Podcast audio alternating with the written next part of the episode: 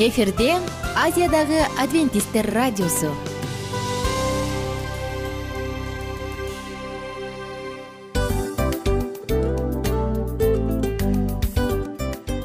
Достор салют. Баардык сүйүктүү угармандарыбызга салам айтабыз. Кутман күнүңүздөр менен. Ден соолук өмүрдүн булагы демекчи саламат саамы программасында баарыңыздарды көргөнүбүзгө абдан кубанычтабыз. Анда алгач амандашып өтөлү арбаңыздар деп. Ден соолугуңуздар кандай элибизде көбүнчө ден соолук кандай дегенде эле жакшы деп жооп беребиз э? ооруп турсак дагы жакшы дейбиз. Анан мен муну айтып ойлойт элем бул абдан сонун сөз депчи анткени бул жакшы деген үмүт да э ооба баары жакшы болот. Баары сонун. Деп үмүттөнүп атып эле өзүбүздү өзүбүз дарылап коебуз. Анысы кандай? Сиздин дагы ден соолугуңуз жакшы беш деген үмүттөбүз чындыгында ден соолук бул өмүрдүн булагы деп бекеринен айтылган эмес деп ойлойм. Кыргыз элинде анткени эгерде ден соолук жок болсо анда адамдын жашоосунда калган баардык керектүү маңыздуу нерселер өзүнүн баалуулугун жоготуп коет. Ошондуктан ден соолук бул эң керектүү нерсе. Ооба туура айтасың кесиптешим. Чынында ден соолугуң жок бир эки үч күн ооруп калсаң эле э кандай болуп калат? Жашоодо көз каранды болуп каласың көп нерсеге жетишпей каласың көп нерсени кыла албай каласың жада калса эшикке дүкөнгө да чыга албай каласың. Туптуура анан ден соолук болсо демек биз биздин бактыбыз тотой деп койсок болот. Анда достор саламат саамы рубрикабызды баштайлы. Алдыда өзүңүзгө керектүү болгон сонун кеңештерди уга аласыздар. Мына ошондуктан биз менен бирге болуңуздар. Ал эми биз болсо милан жана айнура. Кеттик алга. Алга саламат саама ден соолуктун жарчысы. Саламат саама ден соолуктун ачкычы. Күн сайын сиз үчүн мыкты кеңештер сонун жаңылыктар кызыктуу фактылар биздин рубрикада.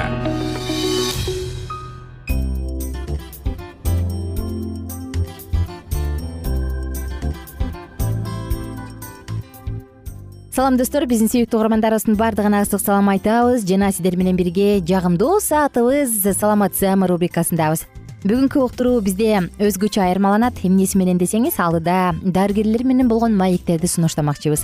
Сөзсүз түрдө достор адамдын ден соолугу биринчи байлык. Муну ар бирибиз билебиз. Адам өзүнүн ден соолугу үчүн баардыгын кылат. Анан тилекке каршы ден соолуктан айрылган учурда колунан эч нерсе келбейт экенин түшүнүп ах айттың ай деп баш бармагын тиштейт э? Муну көбүнчө ата апаларыбыз чоң ата чоң энелерибиз ай балам жаш кезде ден соолукту карма бутуңа жылуураак кий деп мага көп айтышачу эле да ушинтип менин чоң ата чоң энелерим. Башыңда жылуу кийин кышында жылаң баш жүрбө үшүп каласың. Ай кызым жуунуп алып эшикке чыкпа деген сыяктуу көп кеңештерин айтчу эле. Албетте биз булардын көбүн кулагыбыздын сыртынан кетирип коебуз бирок чындыгында кенеде кезибизден баштап ден соолукка туура кам көрүп туура тамактана турган болсок анда канчалы деген оорулуу коркунучтуу оорулардан алыс оолак болобуз. Жана албетте иштеп тапкан акчабыз дары дармек эмес а өзүбүзгө өзүбүздүн жеке муктаждыктарыбызга жумшалат ошондуктан достор мен каалайт элем ар бир угарманыбыз жашоодо туура тандоолорду жасап ден соолугунун камын көрүп жүрөгүндө тынчтыкты сактап стресс депрессиядан ашыкча тынчсыздануудан алыс болуп көп нерсени жаратканга ишенип тапшырып коюп жашоодо мындай бактылуу күндөрдө жыргалчылыкта жашаса деген үмүтүм бар алдыда биз сиздер менен дарыгерлер менен болгон маектерди сунуштайбыз сиздерге. Жана сөзсүз түрдө бул уктурууларды уккан соң өзүңүзгө тыянак чыгарып мүмкүн ден соолукта кайсы бир жерине ремонт жасап э баягы тамашалап айтканда кайсы бир жерине көңүл буруп кайсы бир жери кыйкырып жаткан болсо мага көңүл бур деп ага көңүл буруп коюу абдан зарыл. Ошондуктан каалайт элем достор. Оорубаңыздар өзүңүздөрдүн саламаттыгыңыздарга кам көрүңүздөр деп жана сөзсүз түрдө өзүңүздөрдү сүйүңүздөр деп анда алдыда сиздер үчүн жагымдуу маек жана сонун сонун маалыматтар булардын баардыгы сиздер үчүн. Саламат саама рубрикасы тыңдап жатканыңыз ар бир угармандарына ар бир угарманыбызга мыкты маанай жана сонун көңүл жана түшүнүктүү маалыматтарды сунуштайбыз. Биз менен бирге болуңуздар анда эмесе алдыны көздөй жөнөдүк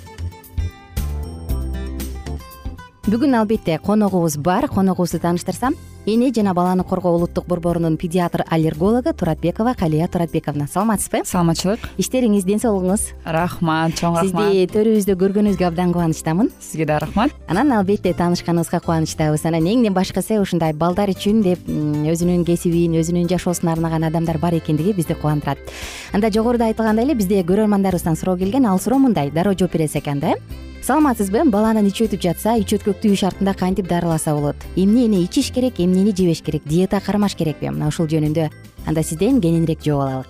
Сөзсүз. Биринчиден бул диета кармоо диетанын ичине эмне кирет э, диетанын ичине бул биринчиден ич өткөк убагында сүттү неме рациондон алып коюш керек. Бул эми ич өткөктүн түрлөрү болот го баардык эле учурдабы негизи эле ич өткөндө э? Көбүнчө негизи эле ич өткөндө да. Сүттү мисалы үчүн тамактарды алып коюш керек. Анан кийин экинчиден куурулган тамактарды алыш керек. Э, көбүнчө шорпо болуш керек. Шорпо мындай жеңилирээк болуш керек да.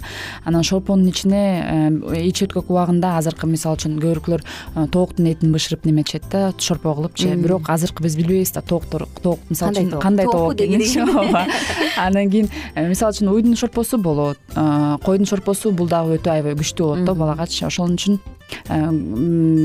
сөзсүз мындай жеңил уйдун шорпосу болуш керек. Андан кийин мисалы үчүн дагы көркү ата энелер үйдөн күрүчтү дагы неметип бышырып беришет да күрүчтүн бышырып берсе дагы болот. Анан кийин кайнатмасын беришет кайнатмасын беришет ооба кайнатмасын беришет да. Андан кийин жер жемиштерден эмне болот? Жер жемиштерден банан болот. Анткени банан обволакивающий немелери бар да. Свойства катырат заңды? катырат күрүч деле катырат заңды. Анан кийин жер жемиштерден жашыл кызыл ич өткөк убагында бербей эле туруш керек диетаны сөзсүз сакташ керек. Куурулган тамактарды бербеш керек соус специя кошулган дагы тамактарды бербеш керек анан дагы эмнени берсе болбойт көбүнчө ошо мындай курулган суу газдалган жок. мисалы үчүн газдалган сууну обезвоживание учурда болуп атканда аны сөзсүз бериш керек. Анткени ич өткөк болуп атканда бала мисалы үчүн кусуп жатканда ал өзүнүн денесинде керектүү микроэлементтерди жоготуп баштайт. Андан кийин газдалган мисалы үчүн боржоми же регидрон деген дарылар бар да ошону берсе болот. Сөзсүз аз аздан бат баттан тез тезден кашык менен баланын жанына отургузуп алып балага мисал келтирип мисалы үчүн сиз да ичип балага да ичтирип да көрсөтүшүңүз керек да. Эптеп ичтирүүсүнүн амалы болуш ооба ооба. Анткени сиз э, балага жөн эле бере берсеңиз бала да мисалы үчүн аны кечке чейин иче бербейт да газдалган сууну деле биз өзүбүз деле көп деле ичпейбиз туурабы. Ошондуктан балага мындай мисал келтирип мына мен дагы балам ичип атам сен дагы мына көрдүңбү ичишиң керек депчи. Сенин ден соолугуңа бул пайдалуу болот деп туура түшүндүрүп айтып бериш керек да балагачы. Андан кийин дагы диета жөнүндө эмне айтып кетем мына көбүнчө мисалы үчүн ата энелер ич өткөк убагында антибиотиктерди берип баштайт э. ушул жөнүндө айтып берсеңиз жакшы болмок. анан элдин баары эле ойлойт антибиотик бала ооруса болду антибиотиктен башташ керек депчи. Биз азырынча антибиотиктен неметип атабыз мындайча айтканда колдонбогонго аракет кылып атабыз. Анткени биринчи биринчи экинчи үчүнчү күнгө чейин буну мындай вирусный инфекция деп коет да. И сиз өзүңүз билесиз э, антибиотик вирустарды эч качан өлтүрбөйт. Биз антибиотикти жөн эле берип атканда биз организмге мындай аябай кайта эле мындай күч келтиребиз да организмгечи ошол убакта ата энелерге айтып кетем балаңыз ооруп атса ич өтүп атса сөзсүз үйдө эле отуруп дарылана бербей өзүңүз антибиотиктерди ала бербей э, педиатрга кайрылып туруп эле сурашыңыз керек да. Эч качан үйдө отуруп антибиотиктерди бербеш керек. Анткени эске айтып кетейин бул э, биринчи үчүнчү күнгө чейин э, башталып бул вирусный инфекция болот да. Андан мисалы үчүн төртүнчү бешинчи күнгө уланып кетсе э, ичи аябай күчөп өтүп атса то ал учурунда сөзсүз антибиотикти врач өзү жазып бериш керек да. Жакшы жооптор үчүн ыраазычылык айтам. Сизге биздин убактыбыз абдан аз калды. Ошондуктан угармандарыбыз менен коштошобуз. Жана кийинки уктурууда сөзсүз түрдө дагы кенен жоопторду ала аласыздар. Бүгүнкү коногубуз эне жана баланы коргоо улуттук борборунун педиатр аллергологу туратбекова калия туратбековна болду. Келип бергениңиз үчүн терең ыраазычылык айтабыз. Жана угармандар көрөрмандар сиздерде дагы суроолор бар болсо ден соолукка байланыштуу саламат клуб сайтында биздин ушул видеолордун алтына комментарий калтырыңыздар. Сөзсүз түрдө кийинкиде жооп беребиз. Кайрадан амандашканча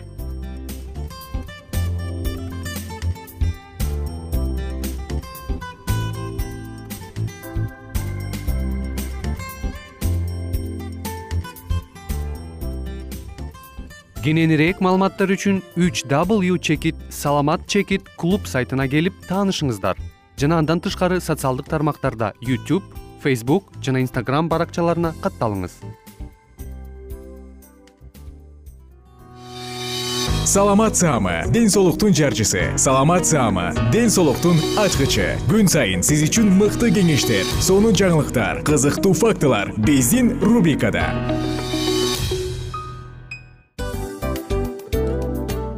салам достор. Кайрадан биздин сүйүктүү рубрикабызга кош келиңиздер деп айтмакчыбыз. Баардык замандаштарыбызга арбаңыздар деп саламыбызды айтабыз. Улуу ушундай бир урматтаган учурашуу менен анан дил маек радио баракчабызга чакырабыз. Негизи дил маек биздин рубрикабызда эмне жөнүндө кеп кылабыз бул дил маектин мааниси эмнеде рубрикабыз менен кичине тааныштырып кетсеңиз. Сөзсүз түрдө тааныштыра кетейин кесиптешим суранычы боюнча бул учурда бул радио баракчада биз ар тарап кесип ээлеринен сонун кеңештерди алабыз сүйлөшөбүз сырдашабыз. Аталарыбыздын эжелерибиздин апаларыбыздын кеңештерин угабыз айтор. Жан дүйнөгө адамдын э, сапатына адамдын деги эле адам болуп жашашына керектүү баардык кеңештер алдыда. Негизи э, дил маек дегенде баягы эки адамдын ортосундагы сырдашуу кенен сүйлөшүү. Негизи эле биз адамдар бири бирибиз менен бир жерге жай жерге отуруп алып өзүнчө тынч э, жашоо жөнүндө өмүрүбүздө эмне болуп атканын бөлүшкөнү жакшы көрөбүз э адамдар. Ооба туура айтасың анан э, мындай учурга кээде убакыт да жетпей келет э? Же болбосо сырыңды кайгыңды муңуңду кубанычыңды айткың келет а адамга ишенбешиң мүмкүн. Ооба. А бул радио баракча угармандарыбыздын чыныгы досу анткени бизден алган кеңеш сиздин жашооңузга чоң жардам берет. Ал эми сиздин бизге айта турган сөзүңүз ортодо гана сыр бойдон калат. Ошондуктан биздин дил маек рубрикабызга дагы бир жолу кош келиңиздер. Жана биз даярдаган маалыматтарга даяр болуңуздар. Айнура жана милан сиздер менен бирге алдыга кеттик ар түрдүү ардактуу кесип ээлеринен алтын сөздөр жүрөк ачышкан сыр чачышкан сонун маек дил маек рубрикасында.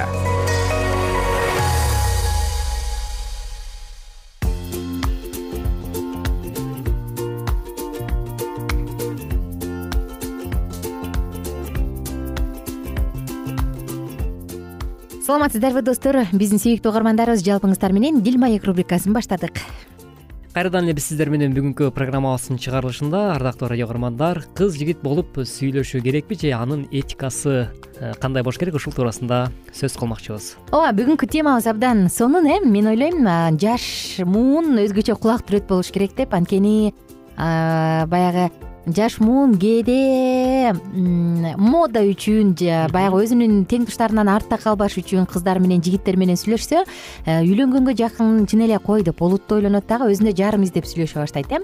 Негизи эле кыз жигит болуп сүйлөшүш керекпи же жокпу? Мына ушул жөнүндө биздин бүгүнкү темабыз. Ошондуктан бекем үй бүлө курулуш үчүн албетте келечегиңдеги жарыңды туура тандашың керек экен. Ошол жөнүндө сиздер менен бирге сөз кылабыз андыктан биздин абодон алыстабай дал ушул мүнөттөрдө биз менен биргеликте кала бериңиздер. Анда улан э, суроо сага. Кыз жигит болуп сүйлөшүш керекпи? Негизи менин оюмча албетте кыз жигит болуп сүйлөшүш керек. Баягы ар бир нерсенин өзүнүн учуру өзүнүн доору өкүм сүрөт эмеспи ошол сыяктуу. Э, кыз жигит болуп сүйлөшүш керек негизиненчи ооба. э, бирок баягы ар бир нерсенин баягы чеги болот го кантип сүйлөшүш керек деген сөз э кантип сүйлөшүш керек дегенде мисалы эми кыз менен жигит болуп сүйлөшүү десе эле сөзсүз түрдө баягы сүйүүнүн арты менен бири бирине жакындап анан бири бирин баягы жакшы көрүү сезими менен мындай кээде бир аша чаап кетип ыгы жок нерселерди кылышат го мисалы айрым жаш жаштар көбүнчө. Менимче бул нерселер негизи туура эмес э, ошондуктан баягы муну бул нерседе дагы мындай өтө бир олуттуу тема деп айтсам болот да. Анткени сен ошол кандай максат менен сүйлөшүп жатасың? Э, жашың канчада деп кошот элем жашың канчада дегендейчи. Э, ошол сүйлөшүүгө сен негизи ошого ылайыктуусуңбу ошо сүйлөшүп аткан адам сага ылайыктуу деген сыяктуу бир критерийлер бар ооба ошол нерселердин үстүндө ой жүгүртүш керек да. Туура айта кеттиң негизи ушул кыз жигиттин мамилесин айтууда мен дагы этаптарга бөлгүм келип атат да. Эмнеге сүйлөшөсүң? Ким менен сүйлөшөсүң? Анан эмне үчүн сүйлөшөсүң депчи баягы журналистикада беш негизги суроого жооп бериш керек деп агайларыбыз көп айтчу эле го окуп жүргөндө анысы кандай э, ушундай суроо да анан канча жаштасың? Эң эле маанилүүсү деп. Мисалы он эки баягы өспүрүм курактай он төрт он беш он алты жаштарда э, жигитиң барбы? десе жок десе ии жигитиң жокпу? деп аны баягы башка тең туш кыздары бир нерсеси жаман же ырайы суук сыяктуу басынтышат да. Басынтуугутар эмне жигитиң жокпу депчи? Анан ошол баягы басынтууларга же ушундай бир бөлүнүүлөргө учурап калбайын дейт дагы байкуш кыз. Иши кылса бирөө менен сүйлөшүп алат да. Анан бирок мунун аркасынан жүрөгү жараланып кийин келечекте жашоосуна кедергиси тийип калышы мүмкүн анан анысы кандай? Ошондой эле эркектер э, э сүйлөшкөн кызың бар беле сен кыздар менен өбүшүп көрдүң беле деген сыяктуу да мындай бир аз э, туура эмес угулушу мүмкүн бирок чындыгында бул жашоо ушундай. Десе жок десе аны бир нерсеси кем катары көрүп ии бул деген ушундай экен деп анан шылдыңдашат да. А бирок мен айтат элем бул жерде эч кандай шылдыңдачу нерсе жок деп. Мен өзүм атам апам ата энемчи апам атам айткан да кызым жашоо деген ушундай ар ким ар кайсына айтып шылдыңдай берет бирок алар бөлүнсө эле сен бөлүнүп калбайсың. Ошондуктан сен өзүң үчүн канча жашта турмушка чыгам деп э, билип ал коюп ал депчи. Мен отузга турмушка чыгам десең жыйырма беш жашыңдан кийин эркек э, жигиттер жөнүндө ойлон. Жигиттер менен сүйлөшүп кереги жок алар сенин жүрөгүңдү талкалап коюшат деп көп айткандыктанбы мен такыр жигит күткөн эмесмин да жигит күтүп жигит жандап көргөн эмесмин. Анан ошондуктан мен кийин турмушка чыгаарда гана сүйлөштүм анан ошондуктан мен ойлоп коем бул абдан маанилүү деп ата энесинин айткан кеңеши депчи. Үйдө эгерде баягы кичинекейинен туура жолго салып койсо баланы анда ошол эле туура жолдо калат го дейм сөзсүз түрдө туптуура айтасың. Негизи эле ушул ар бир критерийге сен көңүл буруп анан баса белгилеп өтпөдүңбү. Негизи эле кыз жигит болуп сүйлөшүүдө анын баягы биздин темабыз анын этикасы кандай деп кеп кылып атабыз э анан ошол эле учурда чындап эле баягы кээ бир учурда болот да мисалы эркектерге мүнөздүү эгерде э, жогоруда сен айтып өткөндөй эле баягы улуу сөздө уят жок кыздар менен ошол өбүшүү маселесинде кыздар менен өбүшүп көрдүң беле деген бир суроонун айланасында ой жүгүртүп ошол жөнүндө баягы дискуссия кылып келгенде көп учурда баягы балдардан айрым болот да баягы. Таптакыр кыздар менен мисалы мамиле кылбаган сүйлөшүп көрбөгөн жанына отуруп да көрбөгөндөр бар да анан өбүшүп көрө элексиңби анда сен э, эненин тиги оозуңан эненин сүтү кете элек турбайбы деп баягы ушундай бир шылдыңдап э, намыстанып эркектик намысына тиип э, ушундай көз карашты таңуулашат да бирок албетте бул негизи менин көз карашымда бул өтө туура эмес. Мен дагы ойлойм негизи эле бул ойлойм бул жалпы эле мындай моралдык эгер баалуулуктала турган болсок бул туура эмес деп. Ооба анан бул аркылуу дагы ушул э, кээде эркек намыстангандыктан анан эмкиде мени минтип айтпасын деп анан э, өзүң айткандай эле анын жашын илепый деп коет го э ушундай жүрүм турумдар ооба ооба анын жашын анын баягы сүйлөшүп аткан кыздын э, баягы интеллектуалдык жактан дагы анын мындай психологиялык жактан да анын мисалы абалы кандай ошого көңүл бурбастан эптеп эле бир кыз болсо болду деп дагы жүрүп алып ошондой максат менен дагы баягы кыз жигит болуп жүргөндөр да бар да? Анан ушул жерден мен айткым келип турат ушундай эрте сүйлөшүү эркектерге караганда кыздарга мен бир изилдөөлөрдү окуп абдан таң калгам атайын радио программа даярданып атып кыздарга көбүрөөк доо кетирет экен да. Анткени эркек бала баягы кыздын жүрөгүн багынтыш үчүн алгач аракет кылат го мүмкүн кат жазат мүмкүн смс жазат эми азыр заманбап доор да. Анан кылчактап тийишет ушинтип отурганда ал кыз мени сүйүп калыптыр демек деп ойлойт экен дагы оюнда такыр керек болсо тиги үлпө көйнөгүн кийип той болуп бала чакалуу болгонго чейинкисин элестетип коет экен. Элестет бул кыздардын психологиясы абдан таң калыштуу экен. А эркек болсо ал жөн гана кызыктуу убакыт өткөрөйүн деген максат менен ушундай аракет кылып атат да. Анан демек сен эгерде ушундай ойдо болуп атсаң анда кимдир бирөөнүн жүрөгүн талкалап атасың. Жөн гана адамдарга болгон ишеничин жоготуп атасың. Элестетип көр э мисалы кандай гана коркунучтуу да бул жагынан ойлонуш керек эркек балдар. Сөзсүз түрдө э, мырзалар мына жогоруда кесиптешим айтып өткөндөй эле эгерде бизди тыңдап жаткан бүгүнкү күндөгү мырзалар э, угуп жаткан болсоңуздар анда бул кеңешти дагы эске аласыз деген ойдобуз. Бир уктурубузда сен айта кетпедиң белең он жылдык тажрыйбам бар үй бүлөдө он жыл болду баш кошконубузга депчи.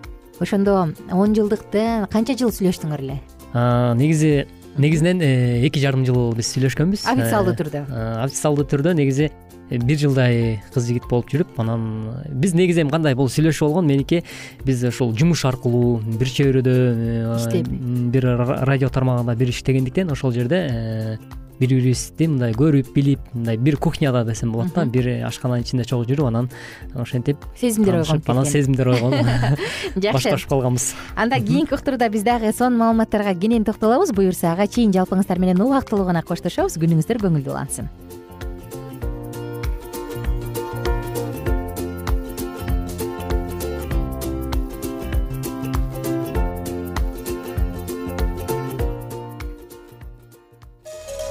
ар түрдүү ардактуу кесип ээлеринен. Алтын сөздөр жүрөк ачышкан сыр чачышкан сонун маек. Бил маек рубрикасында.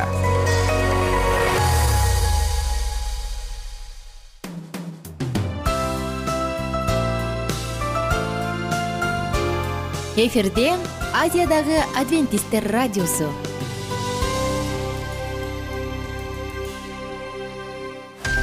жан дүйнөңдү байыткан жүрөгүңдү азыктанткан жашооңо маңыз тартуулаган жан азык рубрикасы.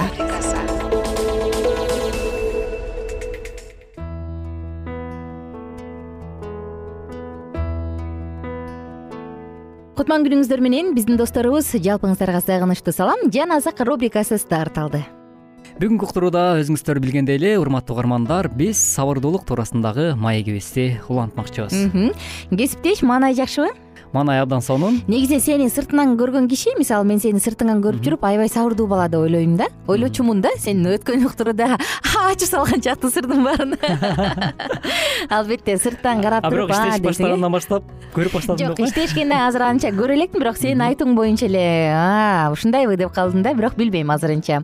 Анда сиз өзүңүздү сабырдуулардын катарына кошосузбу сабырдуулук деген деги эле эмне? Ушу сабырдуулук деп атканда мен момундук деген дагы бир сонун сапат бар го. Анан ушул нерсени аябай жакыныраак тутам да экөөнүчү момундук менен сабырдуулукту мисалы момун адам дегенде биз жоош унчукпаган эле хоппай хоппай деп баарына макул болгон адамды элестетебиз го. Бирок э, баягы тарыхты карап туруп муса аттуу пайгамбар болгон го аябай белгилүү э ысрайыл эли үчүн чоң ийгиликтерди кылган кудайдан корккон муса пайгамбар ошону ал баягы мисир жеринде жүргөндө дагы өзүнүн улутундагы адамдарга болушуп бирөөнү чыга чаап өлтүрүп койгон. Аябай мындай кызуугандуу ачуулуу кызганчаак мырзаны байкайсың да жашоосун көрүп туруп. Бирок кудай аны эң момун адам дейт экен да а момундук менен мусанын реалдуу характерин мүнөзүн көрсөң биздин түшүнүүбүздөгү момундукка ал такыр жатпайт да сыйбайт. А мен таң кала берчүмүн эмнеге муну э, кудай деген ушундай момун адам деп атады экен? Эмне себептен ал тарыхтан эң момун адам деп калды экен депчи. Карап отуруп аябай таң каласың да көрсө кээде ойлойсуң момундук бул жөн гана баягы.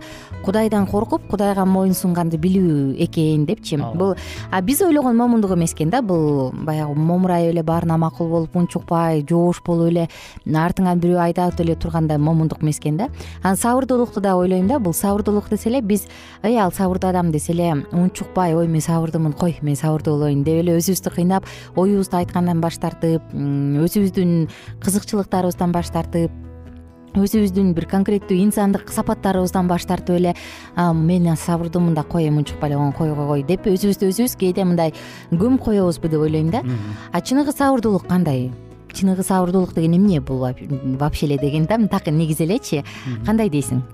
Ооба э, чындап эле кесиптешимиз сен абдан мындай өтө э, тамырын айтып кеттиң десем болот да мындай аябай баса белгилеп ошол мусанын жашоосу жөнүндө анын басып өткөн тарыхы жөнүндө э, жакшы мисалдарды келтирдиң. Анан чындап эле ар бир инсан кудайдын алдында мындай өзгөчө баалуу экен. Бирок ошол э, баалуулукка кудайдын алдында мындай баалуулукка кантип биз ээ боло алабыз? Э, демек ошол сен айткан эле э, жана бир нече мүнөзгө ылайык критерийлерди бөлүп өтпөдүңбү баягы сабырдуу десе эле сөзсүз түрдө өзүн кыйнап эле анан мен сабырдуулукка умтулушум керек мен сабырдуу болушум керек деп. Балким ал адамдын ички жан дүйнөсүндө андай сапат жоктур да. Ооба. Балким ал ачуулуу адамдыр а бирок өзүн кыйнап эле мен кой сабырдуу болоюн ооба бул дагы жакшы аракет кылганы. Бирок эгерде ошондой боло турган болсо ал адам эч убакта өзүнүн Э, мындай өзүн өзүн кыйнап ал сабырдуу боло албайт да мен ушинтип эле айтмакчымын. Ал эми ачуусу чукул адам демек аны да ошондой кабыл алганга аракет кылышыбыз керек да. Мындай ачуулуу болсо мунун характери ушундай экен. А бирок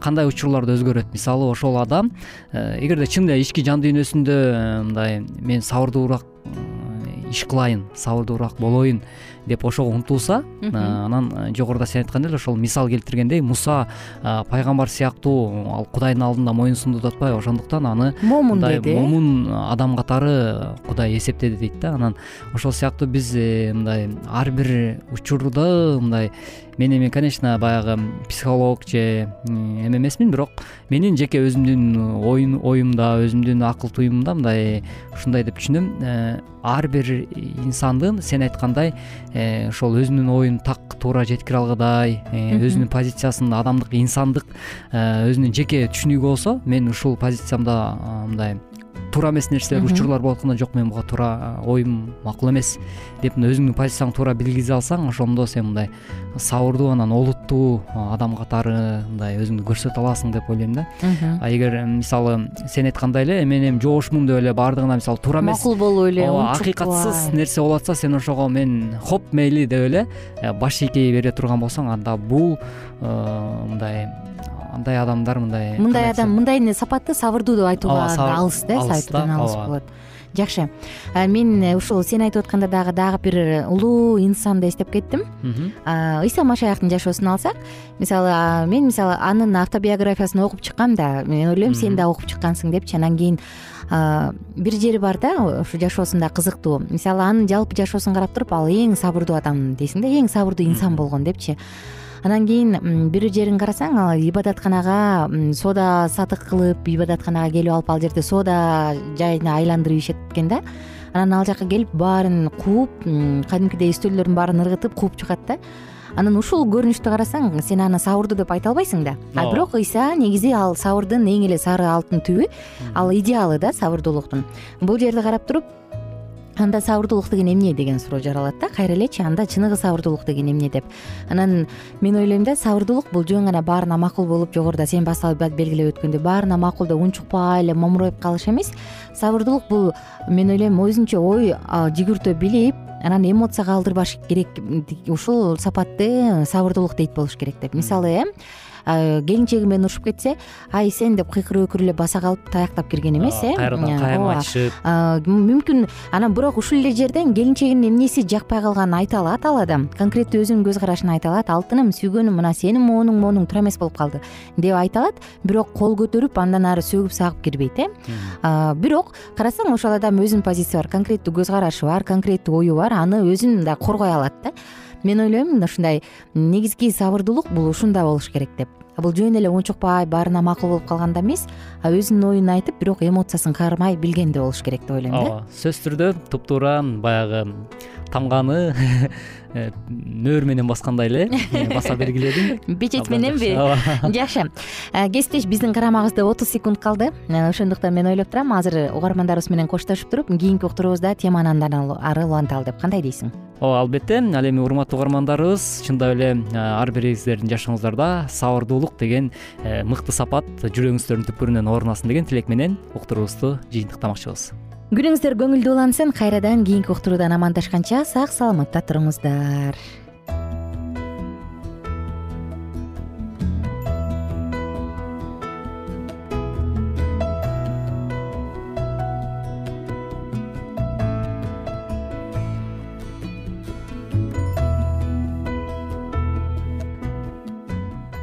эгер сиздерде суроолор болсо же көбүрөөк маалымат билем десеңиз анда биздин whatsapp номерибизге жазыңыз. Плюс бир үч жүз бир жети жүз алтымыш алтымыш жетимиш. Кайрадан плюс бир үч жүз бир жети жүз алтымыш алтымыш жетимиш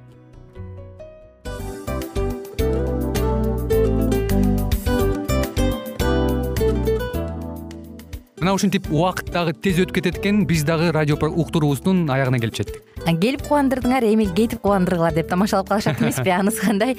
Радио баракчабызды программабызды азыр эле баштап аткандай болдук элек. Мына соңуна келдик э? Негизи убакыт э, билинбей өтүп кетет экен. Мен дагы э, убакыт дегенде бүгүн бир адам менен сүйлөшүп калдым. Анан убакыт бул мүмкүнчүлүк деп айтып өзүмө өзүм айтып алып анан мага өзүмө эле кайра ачылыш болду да чын эле Э, карап отурсаң ошол эле жыйырма төрт саат ошол эле жарым саат кайталанып атат. Бирок сендеги мүмкүнчүлүк жок ошол кой берилип кетти? Анысы кандай? Бүгүнкү сонун убактыңызды алтындай болгон жарым саатыңызды бизге бөлүп арнаганыңыз үчүн ыраазычылык айтабыз. Анан жашооңуздун кайсы бир сферасын өзгөртө турган сонун пайдалуу кеңеш алган болсоңуз анда биз максатыбызга жеттик. Анан ушул нерсени кылбасам десеңиз ошол өзгөрүүлөрдү кичинекей кадамдардан баштап иш жүзүнө ашырыңыз дагы жашооңузда чоң чоң ийгиликтерге жетиңиздер чын жүрөктөн ар бир берилген кеңештер сөздөр сиздерге пайдасын алып келет деп ишенебиз. Жана кийинки уктурууларда сөзсүз түрдө чыдамсыздык менен сиздерди күтөбүз. Сагынычтуу салам айтып кайрадан дал ушул жыштыктан баардыгыңыздарды тосуп алганча кызматта мен айнура жана кесиптешим милан. Анда кол булгалайбыз жалпыңыздарга ийгиликтүү күн. Саламатта калыңыздар